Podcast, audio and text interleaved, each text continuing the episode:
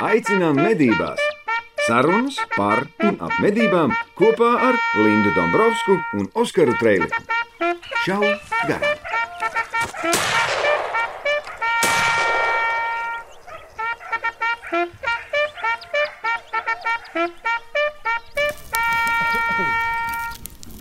Draugi, mednieki šauj garām ir izbraukumā, kamēr Oskars ar Induli izklaidējās dārziņos un cep šašliku.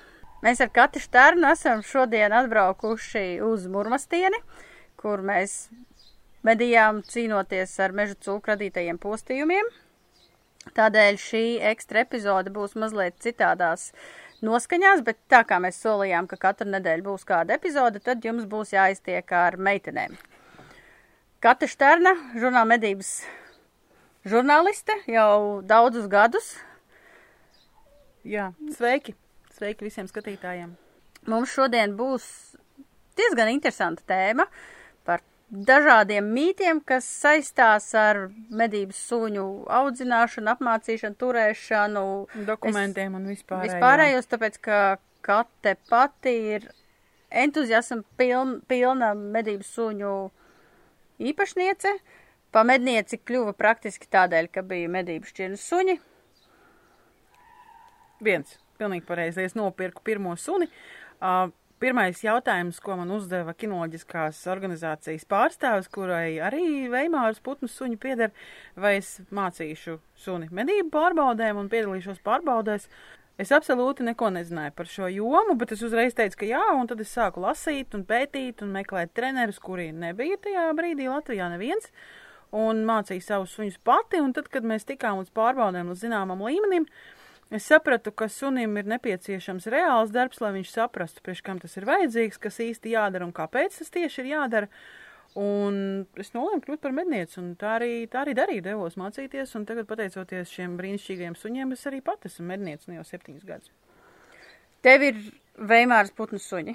Divi. Divi, Divi. Veimāras putnu suņi, nu jau diezgan cienījamos gados, bet viņi ir izgājuši ļoti daudz dažādu veidu apmācību un daudz ko prot, un šobrīd būtībā ir tā, ka Viņi pēc drēbēm un ieroču un pēc vietas, kur mēs dodamies, zina, kāds darbs būs jādara, un man pat nekas nav jāsaka. Viņi paši zina, kas jādara. Tā kā vairāk par dažādiem mītiem, kas saistās ar medību šķirnes suņiem, mazliet pēc pauzītes.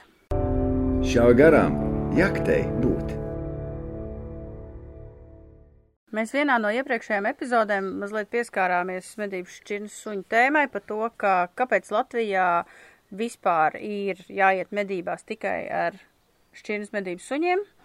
Par dokumentāciju pastāsti mazliet par to, tu vairāk zini, kā tas ir mūsu kaimiņu valstīs. Viņiem ir tādi paši drastiski, daudzuprāt, noteikumi vai ir kaut kā bišķi savādāk. Nu, mūsu trīs Baltijas valstis daudzās jomās ir ļoti līdzīgas un, un arī cenšas būt līdzīgas un dzīvot kā tāds viens tautu kopums, bet ir lietas, kurās mēs atšķiramies. Un suņu uh, izmantošana medībās uh, tiek šajās trijās Baltijas valstīs regulēta atšķirīgi.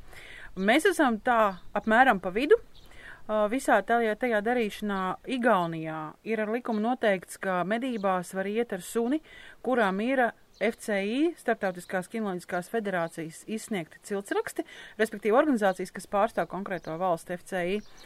Un uh, ne tikai tas, vēl papildus viņiem ir jāiziet arī izstāžu pārbaudas, kurās tiesnesis pasaka, jā, šis ir atbilstošs šķirnes pārstāvis, un uh, viņš ir izmantojams vaislā un, un, un var turpināt savu dzimtu, un savukārt tie, kas neiegūst atbilstošu vērtējumu, tiem ir šķirnes certifikāts, kurš apliecina izcelsmi, bet uh, neļauj izmantot suni vaislā, jo ir ļoti būtiski, tas ir man šķiet viens no svarīgākajiem momentiem, principā medību šķirnes suni, uh, uh, ir jāmāca un jāizmanto reālā darbā, lai saglabātos tie instinkti, kas ir uh, izveidoti un ieguldīti gadu desmitiem un gadu simtiem, veidojot un uzturot šķirni, strādājot ar suņiem. Un tas mērķis, kā mēs visi zinām, ir viens, lai mēs labi, labi zinātu, ko mēs gaidām no suņa, ko viņš ir spējīgs izdarīt, un arī konkrētajā darbā un situācijā varētu, nu, gan 3% paļauties uz suni. Tas ir Igaunijā. Tas ir Igaunijā. Man starp jautājums, tūlīt pa Lietuvu tu izstāstīsi vēl, bet jautājums tad ir, cik ilgā laikā, cik paudzēm ir jāpaiet, lai tie darba instinkti pazustu. Ja tu vari paņemt jebkuru kranci, es nezinu, kurš ir trīs paudzēs dzīvojis uz dīvāna un palaist mežā un viss notiks. Nu tā, pavisam vispārināt runājot, suns vispār ir plēsējis. Pēc būtības es domāju, ka jebkuru suni var paņemt un apmācīt, bet tas prasīs milzīgu darbu, milzīgu.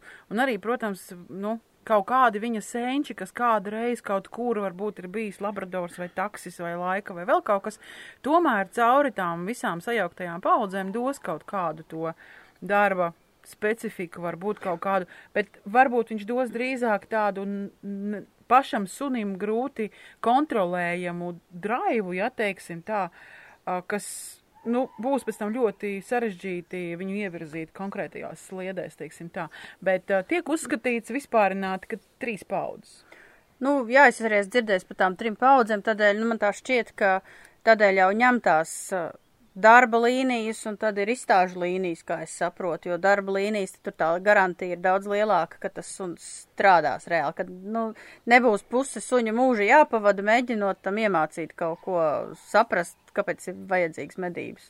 Nu, tā ir, tas ir pilnīgi pareizi, jo tie suņi, kas ir vairāk izstādēs, piedalās, viņiem ir vēlēšanās, viņam ir, nu, kā lai pasaka, tas ir apmēram, mm, tā kā jaunam puisim pirmā tikšanās ar dāmu, uh, kur viņš tā kā ļoti grib, bet īsti nesaprot, kā to var izdarīt.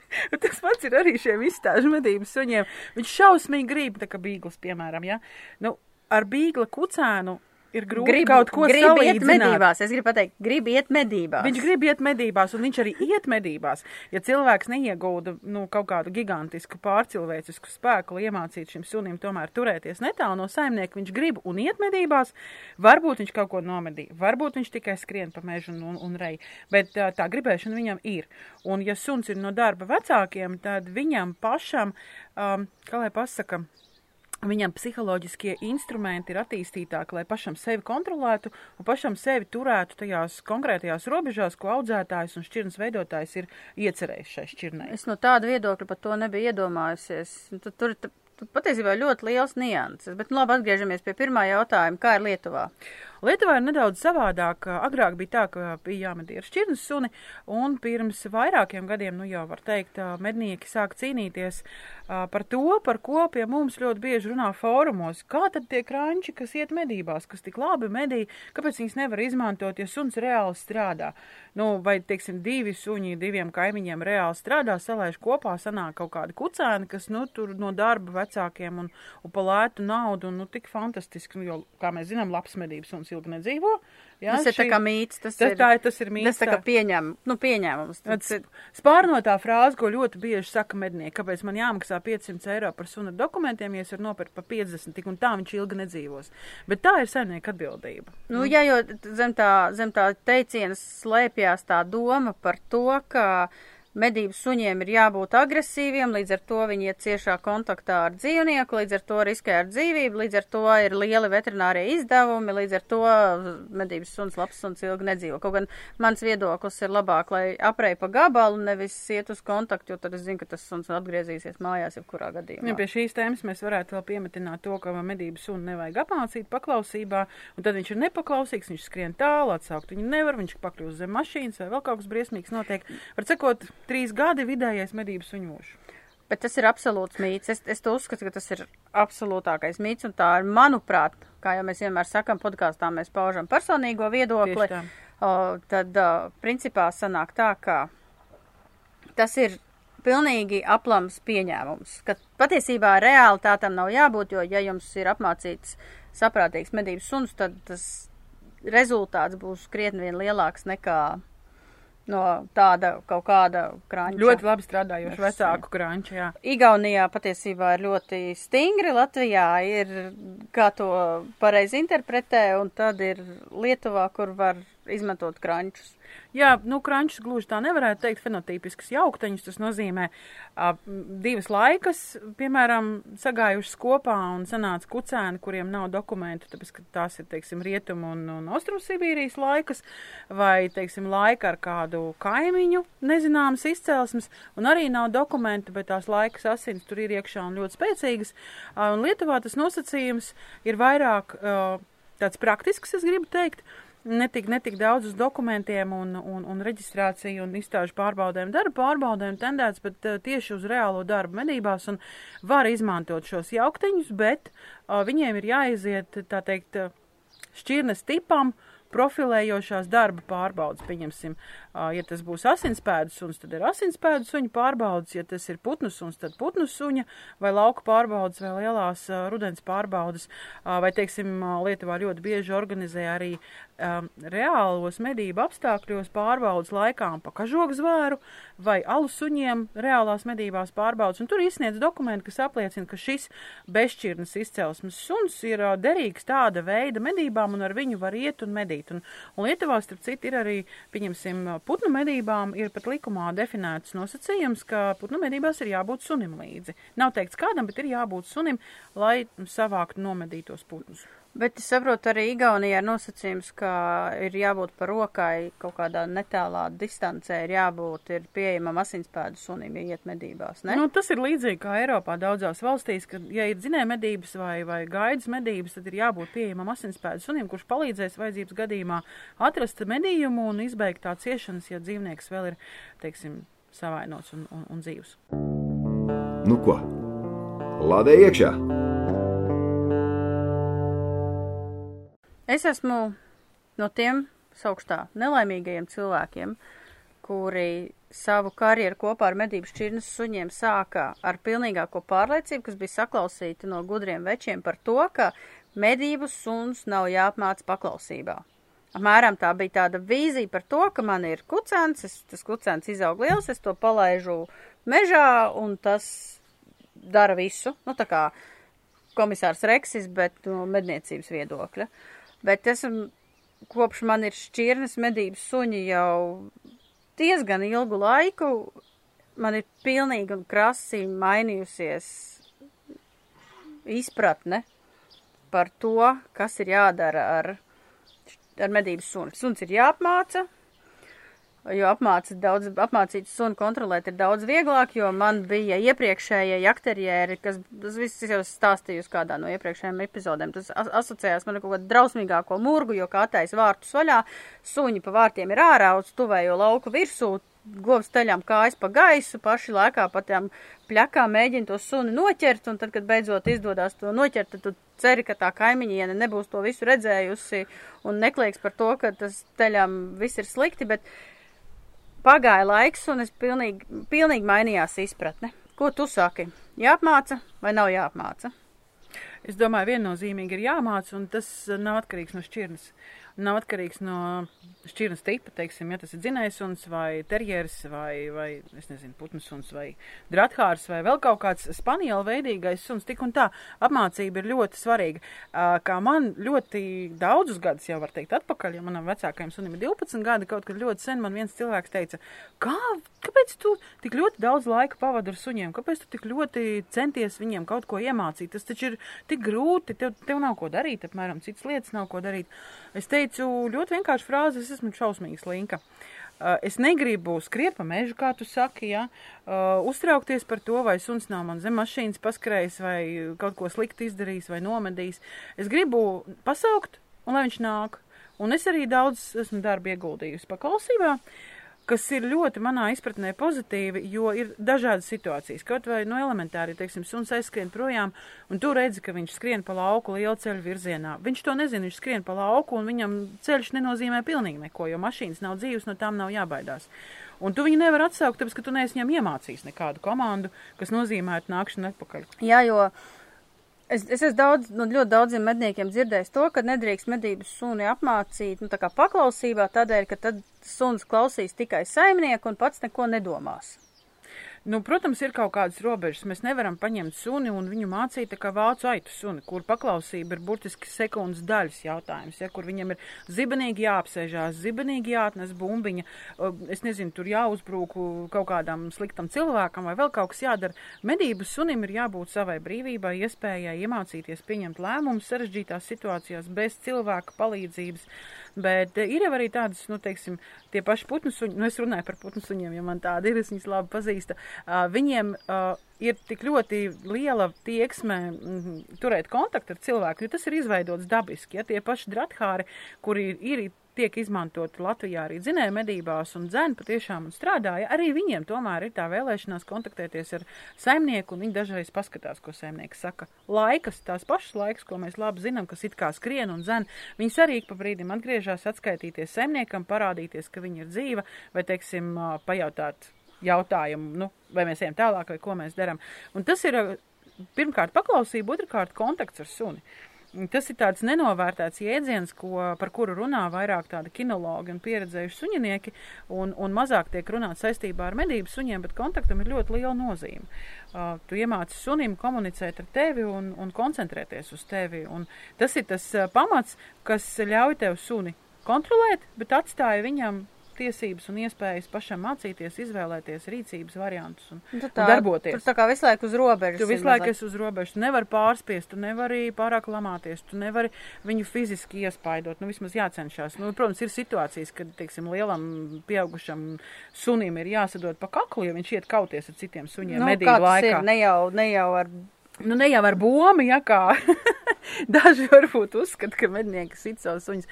Bet tā, nē, protams, ne jau šausmīgi jāsit, bet ir jāsaprot, ka suns saprot tādus rīcības modeļus, kas ir pieņemami sunim. Nu, ar laiku viņš, protams, iemācās arī cilvēku emocijas un cilvēku frāzes un vēl kaut ko, vai, teiksim, intonācijas, bet uh, būtībā ar jaunu suni strādājot var izmantot to, ko izmanto suņa māma. Paņem aiz čupra, sapurina, ja spēka pietiek pacev to suni, un uh, tas viņam liks atgriezties realitātē un saprast, ka Tur viņš ir, rīkojas nepareizi. patiesībā šausmīgi daudz nianses. Jā, jā, protams, protams. To nevar izstāstīt ļoti ātri. Pēc pauzes turpināsim. Nu ko, pārlādējam! Jautājums tev, es tam esmu gājusi cauri. Ņemt instruktoru vai pašam skatīties YouTube kanālus vai ko darīt? Nu, YouTube kanāla saturs ir atkarīgs no cilvēka, kas to veido. Un nav nekādas beigās garantijas, ka viņš tiešām ir profesionāls un saprot, ko viņš dara.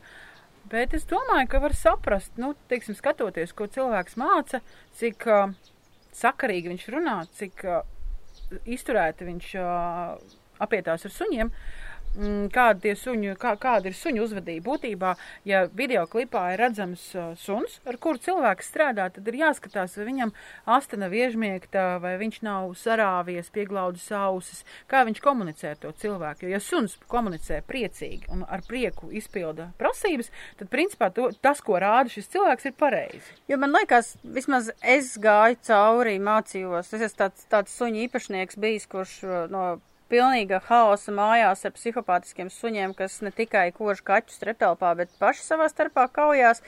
Esmu gājusi cauri to grūtai, grūtai skolai, nonākusi pie tā, ka uh, es gāju pie instruktora, kurš mācīja patiesībā nevis manu suni, bet mācīja mani, jo, ko es arī sapratusi tagad kādam pastāstot par savu pieredzi, tad cilvēks no malas sevi novērot nevar, un tas otrs, tas instruktors ir, pas, ir tas, kurš pasaka, tu dari pareizi vai dari nepareizi. Jā, vai vajadzīgā brīdī, piemēram, viņš pasaka, nē, tagad apstājies, vai nē, tagad pasaki komandu, un tu pasaki, un tas uh, taimings ir šausmīgi svarīgs. Tas Suņu tas īstais apmācībā. mirklis īstajā brīdī izdarīt to Jā, pareizo vai lietu. pakoriģēt, vai uzslavēt. Divas lietas, kas ir jādara precīzi sekundes desmit daļā, un tad tas strādā ļoti labi. Un tas instruktors var palīdzēt to izdarīt īstajā brīdī, un tad tu redzi, ka sunim nostrādā, tev nostrādā, un tu saproti, ka ir, ir, ir kontakts un ir komanda. Nu jā, jo tur te pareizie knifiņi pareizā laikā ļoti palīdz. Piemēram, man bija no pašiem pamatiem jāmācās ar sirsniņu. Ar Vitāru jau es vairs instruktoru man īsti nevajadzēja, jo viņi tagad pilda visas tās pašas komandas, ko sirsniņš, bet uh, vienkārši tas notiek kaut kā bišķiņi savādāk. Nu, tas ir tāda uz, uz, uz izjūta līmeņa, ka tu jau sāc saprast to attiecību mehāniku, tā suņa reakcijas mehāniku, ja? kā viņš reaģē uz tavu uzslavu, kā viņš reaģē uz tavām intonācijām, cik ātri viņš saprot. Būtībā visi medību suņi ir ārkārtīgi gudri, neatkarīgi no temperamenta un darba veida, bet uh, ne visi viņi ir gatavi uzreiz strādāt. Tas ir viens. Otrs, citi ir tik ļoti gudri, ka viņi saprot komandu no pirmās reizes, un otrajā reizē viņš neuzskata par vajadzīgu vienkārši to pildīt, jo viņš jau visu ir sapratis, ko tu vēl vari gribēt no Nu, manis. vēl te viņš atšķir to, vai tev ir kārums rokā, vai tev nav kārums rokā. Nu, Jā. ļoti labi. Tad, kad tu sāc runāt pa telefonu un saprot brīvībā, īsāk sakot, par šo tēmu mēs varēs, varētu runāt vēl trīs nedēļas uz priekšu. Man ir klusais plāns kādreiz uztaisīt atsevišķu podkāstu tieši par šo tēmu ar Kati, bet Nākamais jautājums ir par to, ko mēs runājām ar Oskaru dažas epizodes iepriekš, bija par to, ka mūsu normatīvie akti pasaka, ka medībās Latvijā var izmantot tikai šķirnes medību suņus. Bet, ja tu izlasi tikai to, kas ir rakstīts medību noteikumos, tad sanāk tā, ka principā uz mežu tu vari doties tikai ar potēšanas pasi, kur ir ierakstīts taksis, laika vai vēl kaut kas. Kā tur ir patiesībā? Nu, diemžēl ir tā, ka ļoti liela daļa Latvijas iedzīvotāji uzskata, ka pošu pasi ir suņu dokumenti, kas tā nav. Uh, nevar kā mēs arī kādreiz esam runājuši, ka nevar vienā tiesību aktā iekļaut pilnīgi visas prasības, kas ir saistīts ar konkrēto situāciju. Tāpēc arī medību noteikumos nav atreferēts, ko īsti nozīmē ciltsraksti. Ciltsrakstu apraksts ir minēts ciltsdarbā un vaislas dzīvnieku audzēšanas likumā, man šķiet, ja es pareizi atceros. Varbūt mēs ieliksim saiti lejā. Jā, mēs ieliksim saiti, sameklēsim, kā tur īsti rakstīts, bet tur ir pilnīgi melns uz balta, precīzi uzrakstīts, ka dzīvnieka, neatkarīgi no sugas izcelsme, apliecina ciltsraksti, kuros ir priekšteči trīs paudzēs. Punkts. Trīs paudzēs no abām pusēm, gan no tēva, gan no mātes puses, ir jābūt skaidri zināmai izcelsmei. Uh, medību suņiem ļoti bieži tiek minēts arī darba pārbaudas.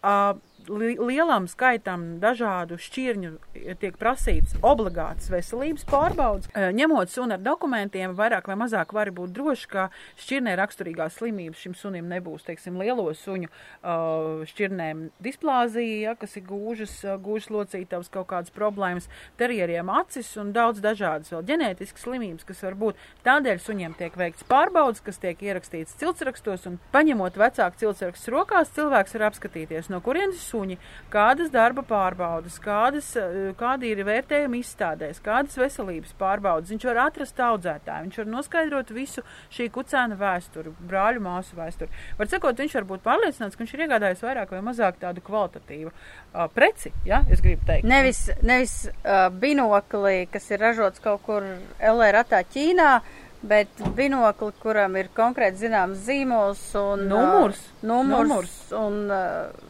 referents, piemēram. Jā, tieši tā, tieši tā. Un tātad šis ir minēts uh, atsevišķā uh, tiesība aktā, kas nav ne medību likums, ne medību noteikumi. Un, jā, un izriet, un no šī izriet tas, ka šķirnes medību suns ir suns ar dokumentiem, kas ir izsniegti uh, oficiāli reģistrētā kinoloģiskā organizācijā, kurai ir tiesības nodarboties ar vaislas darbu. Tas ir minēts turpat. Nu, Latvijā piedod, Latvijā ir tāda situācija, ka šīs kinoloģiskās organizācijas ir daudz. Ja es, man liekas, domāju, kaut kā 28 varētu būt plus mīnus, lielākā ir Latvijas kinoloģiskā federācija, tad ir favorīts un vēl kaut kas, un viņi visi ir tiesīgi izsniegt šos ciltsrakstus iesuņiem.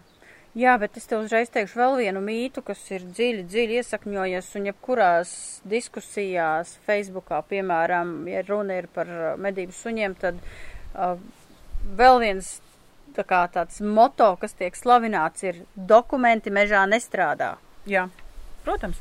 Jo ir, mēs visi labi zinām, ka ir atsevišķas medību suņu šķirnes, kas ir tapušas uh, par dīvāna vai izstāžu vai smukumu suņiem, sauc kā gribi, ja tie paši bīgli, kas būtībā ir ārkārtīgi labs, ļoti uzcītīgs, ļoti enerģisks un izturīgs, brīnišķīgs, var teikt, dzinēja medībās, nu dažādu dzīvnieku medīšanai izmantojams suns, kas ir tapis par dīvānu suni. Pateicoties tam, cik viņš ir simpātisks, cik burvīgi ir tie mazie kucēniņi ar milzīgām zīdainām ausīm. Tas pats ir ar veimāriešiem zilām acīm, ja, mm, kas mums vēl, ko mēs dažādus terjeru tipus varam minēt, ja, kas ir Džek Rasels. Džek Rasels, piemēram, jā, kas vai. Med, cilvēkiem vispār neasociējās ar medības sunu. Bet tas ir medības suns, ļoti enerģisks un izturīgs un brīnišķīgi izmantojams. Pūdels, lielais karaliskais pūdels vai standarta pūdels, ja, kas ir uh, putnu pienesējs būtībā.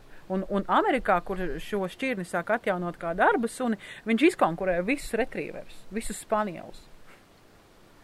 Nu jā, un tad, tad jautājums, tad runa ir par kādiem dokumentiem ir runa. Ja ir vienkārši izstāžu dokumenti, tas neapliecina, ka tas suns būs uh, darba spējīgs, bet ja ir darba pārbaudes, kas apliecina to, tad jau tur var būt cita runa. Nu, es arī gribētu teikt, ka, ja sunim ir izstāžu vērtējumi un dokumenti no ciltsraksta kā tādi, tas nenozīmē, ka tas nav darba suns. Ja?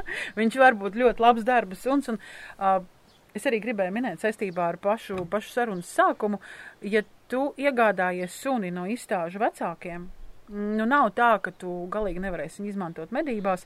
Būtībā tas prasīs vienkārši drusku vairāk darba, lai viņam tā kā atjaunotu pareizās ziņas uz pareizajā darba jomā, un pēc tam to visu smuku sakārtot, lai viņš klausa tevi un dara tā, kā tu vēlies medībās. Īsāk sakot, ārkārtīgi sarežģīti.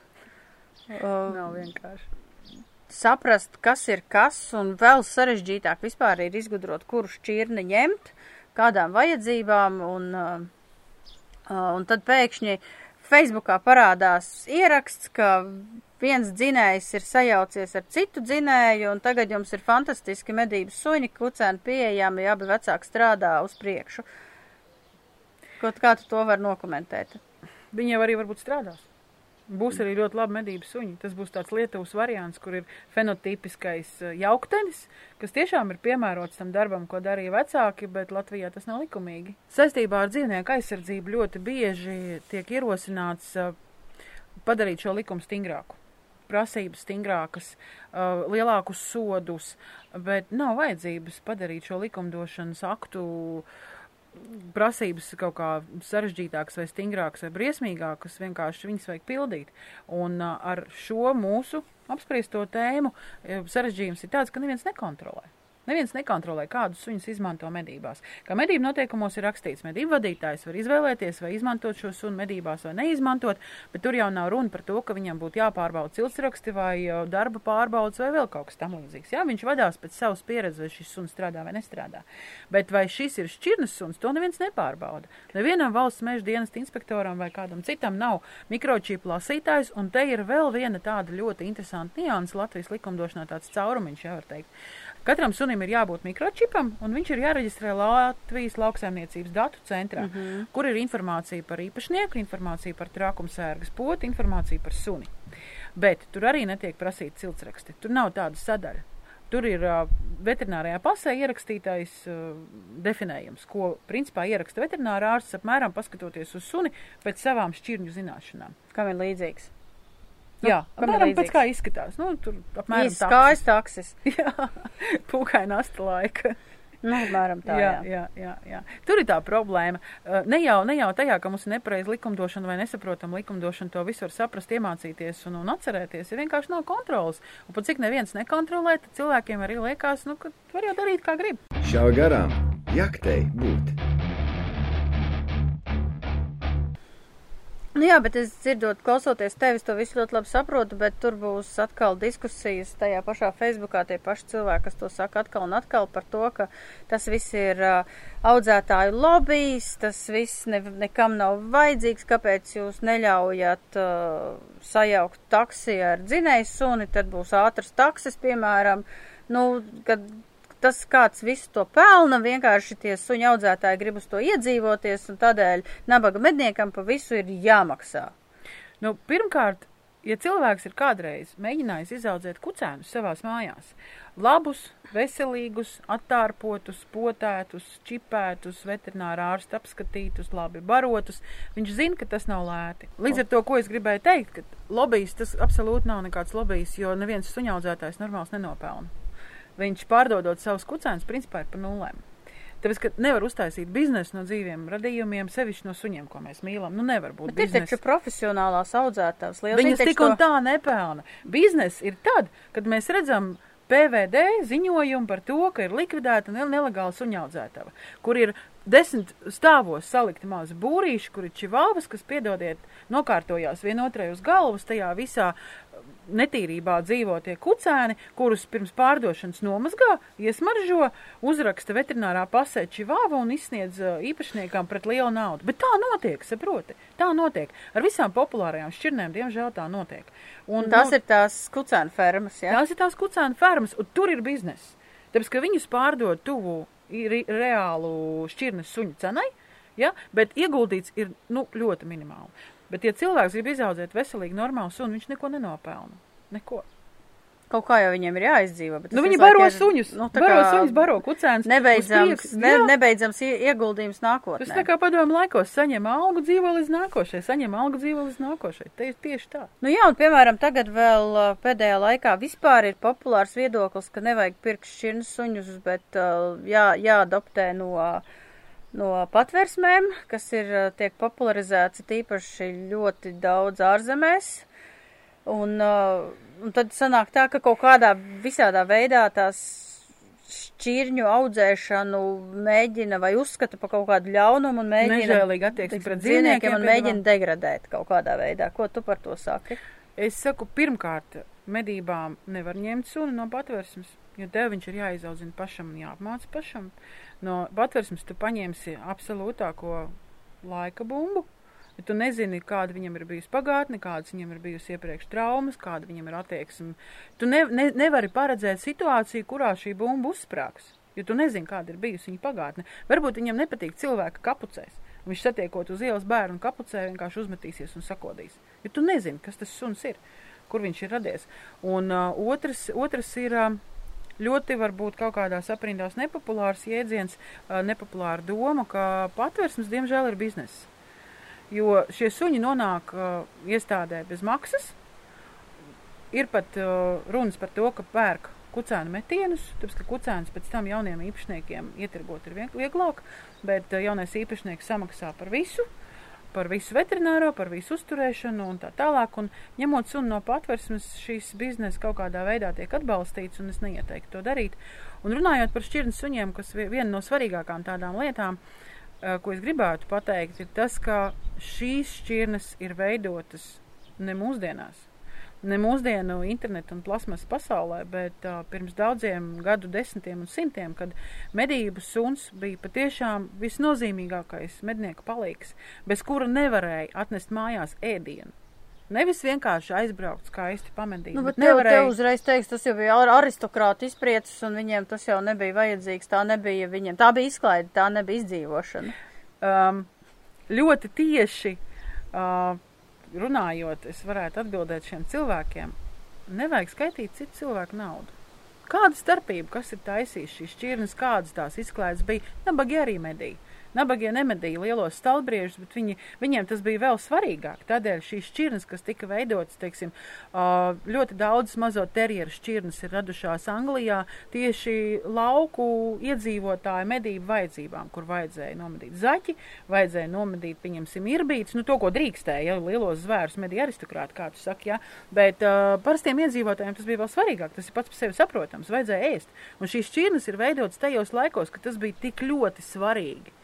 Un viņas ir tik precīzi veidotas, un šie instinkti ir tik spēcīgi, ka vēl joprojām tas pats bīgls, jā, skaistais, vēl joprojām viņš ir gatavs dzīt un riet un dot balsi un atrast medījumu, un asinspēdām ir brīnišķīgi apmācāms. Lai cik arī paudzēs viņš nebūtu dzīvojis uz dīvāna, viņu var paņemt no mājām un iemācīt medīt, un viņš ies un būs laimīgs. Nu jā, jo daudziem šķiet, ka paņem tagad arī populāri ir tīpaši kaut kādā Amerikā um, miksēt dažādus šķirnes Jā, jā, un jā. taisīt kaut kādus It kā tās ir jaunas šķirnes, bet piedodiet, tās nav jaunas. Nu jā, jo, ko es gribu teikt, ir par to, ka ir, ir viedoklis, ka paņem laiku sajauc ar pūdeli un sanāk uh, pūdeļa laika vai kaut kas tam līdzīgs. Antialerģiska pūdeļa Jā, laika. kas uh, ķers vāveres un uh, nesīs pīles, piemēram.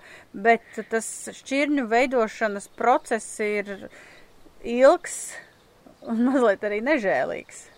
Nu, tāpēc, ka tur ir atlase. Nu, jā. mākslīgā selekcija, var teikt, kur cilvēks atlasa uh, konkrētam mērķim piemērotās īpašības. To nevar izdarīt divās paudzēs.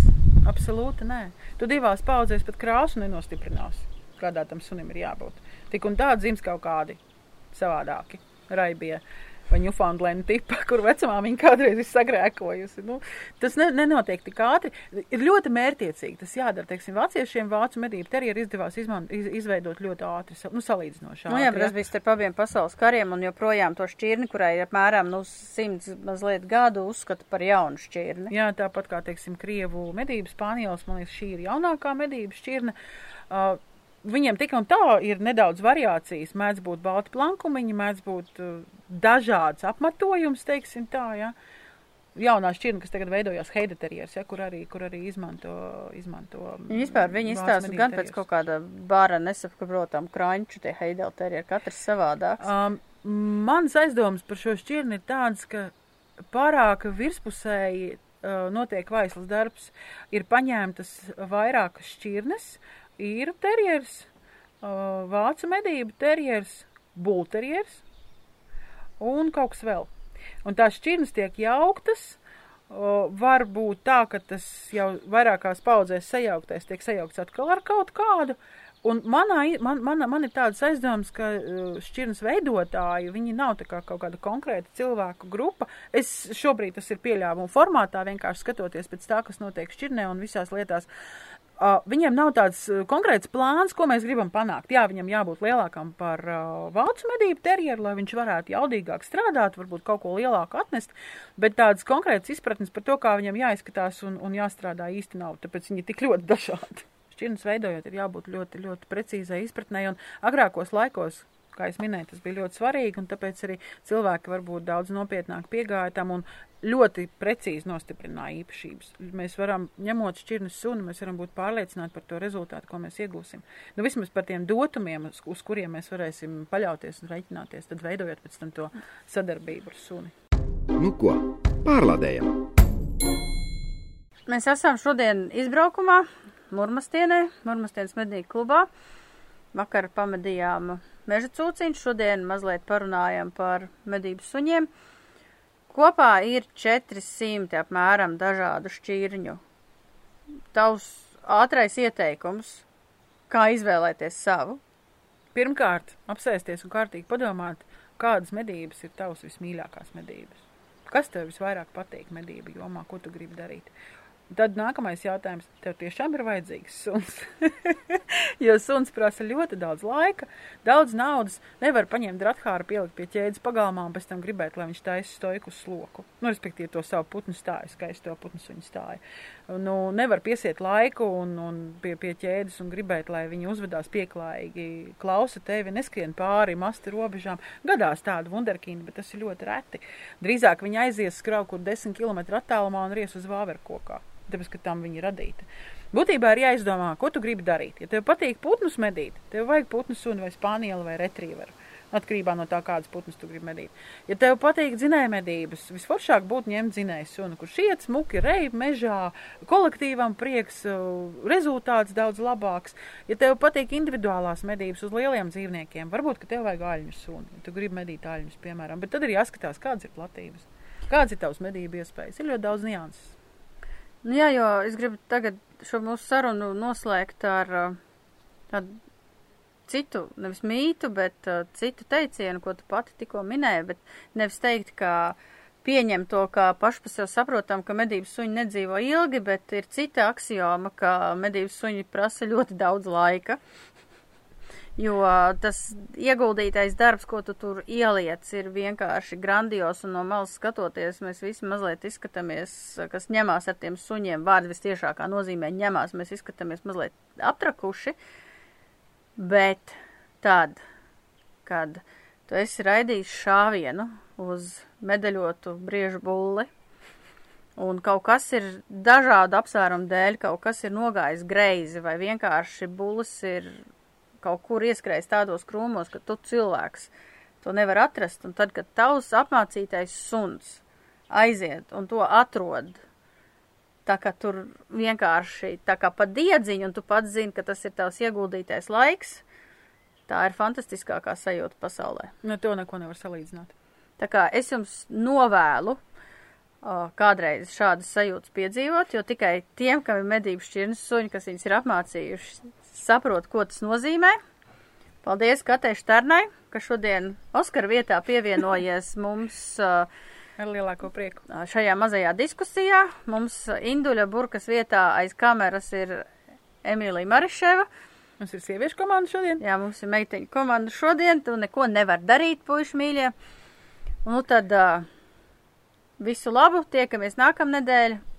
Atcerieties, ja jums patīk šis video, nospiediet like abonējiet YouTube kanālu, abonējiet žurnālu medības, pērciet veikalos, internetā. Jā, uzdāviniet draugiem, padalieties ar radiem, draugiem un ielieciet savos sociālos tīklos, savos profilos, no, padalieties ar šo saiti. Jums tas viss patika.